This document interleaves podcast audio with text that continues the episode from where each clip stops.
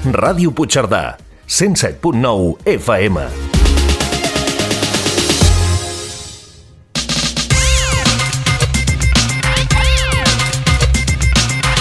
A la sintonia de Ràdio Puigcerdà, els dimarts a les 12 del migdia, Ciència en Colors, presentat per l'Enric Quílez, un programa de divulgació científica i tecnològica.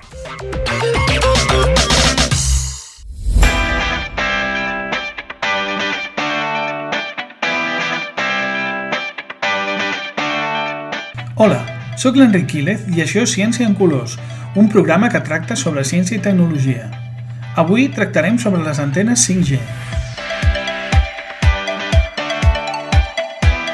Suposo que haureu sentit que les antenes 5G arribaran aviat a la Cerdanya. Alguns estan preocupats perquè tenen por que això impliqui alguna mena de risc per la salut, tot i que la major part de la gent no sap ben bé què és això de la tecnologia 5G ni, de què, ni per què servirà. Mirarem de resoldre-ho en aquest espai. En primer lloc, la tecnologia 5G vol dir que de cinquena generació i hauria d'anar substituint l'anterior tecnologia d'antenes de mòbils, que era la 4G, o sigui de quarta generació. Les antenes 5G emeten a una freqüència més gran que les 4G, cosa que els hi permet tenir més amplada de banda i per tant transmetre i rebre més dades en el mateix temps. Això significarà una millora en la qualitat de les comunicacions per mòbil i normalitzarà l'ús de la videotrucada, per exemple. Però la tecnologia 5G és molt més que això. Aquesta tecnologia està pensada pel desenvolupament de l'Internet de les Coses, l'anomenat IoT, Internet of Things. Milers de dispositius petits, com sensors de posició, tèrmics, càmeres de vigilància, micròfons i tota mena de gadgets, es podran connectar a les antenes 5G. Les actuals antenes no poden transmetre tants dispositius. A més a més, consumeixen massa energia. La tecnologia 5G és més direccional i gasta menys d'energia. Això fa que els dispositius que s'hi connectin puguin tenir bateries més senzilles o bé durades molt més llargues sense canviar-les. A més a més, les comunicacions tindran una latència molt petita. Això vol dir que els dispositius podran connectar-se i desconnectar-se molt ràpidament.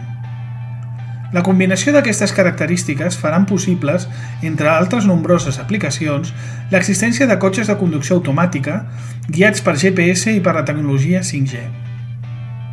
També es podran implementar xarxes urbanes de tota mena que, en teoria, ens haurien de fer la vida més senzilla i donar-nos seguretat en tots els àmbits de les nostres vides. Es creu que la implementació de les noves tecnologies 5G representarà un increment del PIB superior al 10%, la qual cosa és una barbaritat.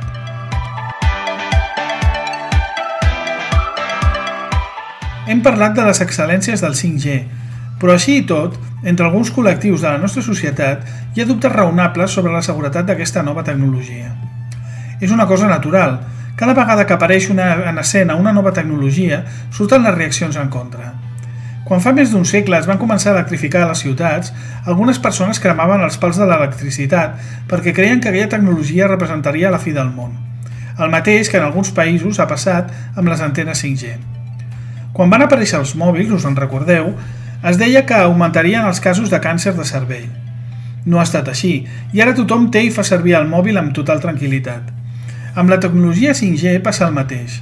Es diu que hi ha informes que diuen que són perjudicials, però el cert és que cap organisme oficial a escala mundial ha dit res de semblant, ni tampoc hi ha cap informe seriós que digui que són dolentes. Com a molt, alguns parlen del principi de precaució, que consisteix a ser prudents quan es desenvolupa una nova tecnologia i encara no hi ha prou informes sobre la seva seguretat. Però el cert és que alguns països fa temps que han començat a desplegar aquesta tecnologia i no s'ha observat res d'anòmal en la salut dels seus habitants. I sí que hi ha informes oficials que diuen que són segures. Estem parlant de microones que no tenen energia suficient per penetrar la nostra pell. De fet, hi reboten. En canvi, els rajos solars de llum ultraviolada, els que, ens, els que ens posen morenos, són moltíssim més perillosos que les microones, ja que poden produir càncer de pell, cosa que se sap des de fa dècades. I malgrat tot, la gent continua anant a prendre banys de sol a la platja o als centres d'estètica. Aquestes zones tenen molt poca potència, menys que les d'altres tecnologies, on ningú s'ha plantejat mai cap problema. Són més direccionals i a sobre, com totes les zones electromagnètiques, la seva intensitat decreix amb el quadrat de la distància. Això vol dir que si t'allunyes una mica de l'antena, la intensitat de radiació que reps és molt més baixa. Per tant, si no són radiacions ionitzants, que són les veritablement perilloses, hi ha molts informes seriosos sobre la seva seguretat i no són especialment potents, podem estar raonablement segurs de la seva seguretat. Pel fet de viure a l'alta muntanya, la radiació ultraviolada del Sol és molt més important que si visquéssim a nivell del mar. A sobre, el redó de les roques granítiques conté radiacions ionitzants. I tot i aquests inconvenients, la gent viu raonablement segura a la Cerdanya.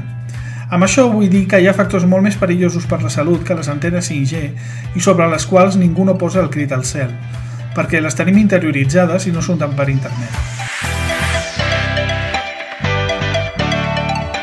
I fins aquí el programa d'avui. Al primer programa tractarem sobre les vacunes.